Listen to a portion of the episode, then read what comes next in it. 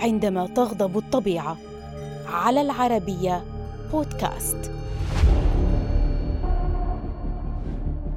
لم يكن الصينيون الذين اختاروا العيش بجوار الأنهار وتحديدا نهر اليانغتسي يتخيلون أن الأمطار الغزيرة التي اعتادوا عليها ستقتل أربعة ملايين شخص وستشرد أكثر من 25 مليونا آخرين وستسبب أكبر كارثة طبيعية عرفها القرن العشرون وأكبر فيضان قاتل عرفه التاريخ.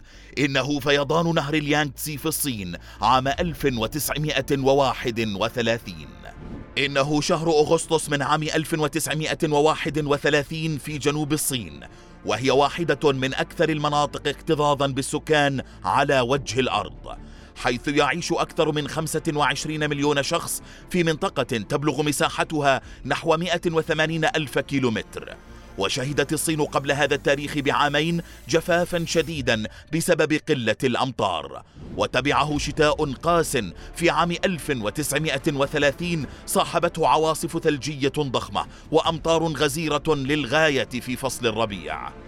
أدت هذه الأمطار إلى إذابة الثلج المتبقي وإضافة المزيد من المياه إلى الأنهار وخاصة نهر اليانغتسي ثالث أطول نهر في العالم مسببة ارتفاع منسوبه إلى درجات غير مسبوقة. كانت الصين في تلك الفترة تعاني من حالة عدم استقرار سياسي وحروب قاسية ولم تتمكن الحكومة المسؤولة من مراقبة النهر والحفاظ على صحته وعانت المنطقة من الإفراط في استخدام الأرض القريبة من النهر. وتم تدمير الغابات والأراضي الرطبة التي كانت عادة ما تحول دون فيضان النهر. وبعد الشتاء القاسي الذي مر على منطقة جنوب الصين ضربت المنطقة سبعة أعاصير متتالية خلال شهر يوليو وحده من صيف عام 1931 أدت إلى انهيار السدود وحدوث فيضان عنيف للنهر. واندفعت مياه النهر المصحوبة بالثلج الذائب وشكلت جميعها فيضانات أغرقت نحو 150 ألف شخص في مرحلتها الأولى فقط بالإضافة إلى تدمير المحاصيل ومخازن الحبوب. وصل الفيضان إلى وسط المدينة وغمر المئة وثمانين ألف كيلو متر كاملة وقتل مئات الآلاف من الناس أثناء نومهم. وتحول نهر اليانغتسي إلى بحيرة ضخمة بحجم إنجلترا ونصف اسكتلندا وأودت بحياة ما يصل إلى أربعة ملايين شخص.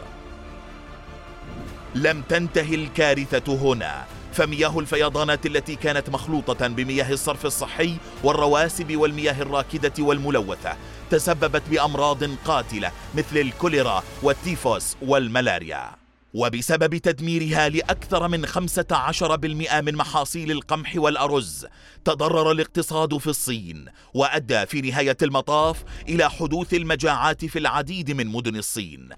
حتى عمد الكثيرون إلى أكل لحاء الأشجار للبقاء على قيد الحياة ووصل الأمر عند البعض إلى أكل لحوم البشر.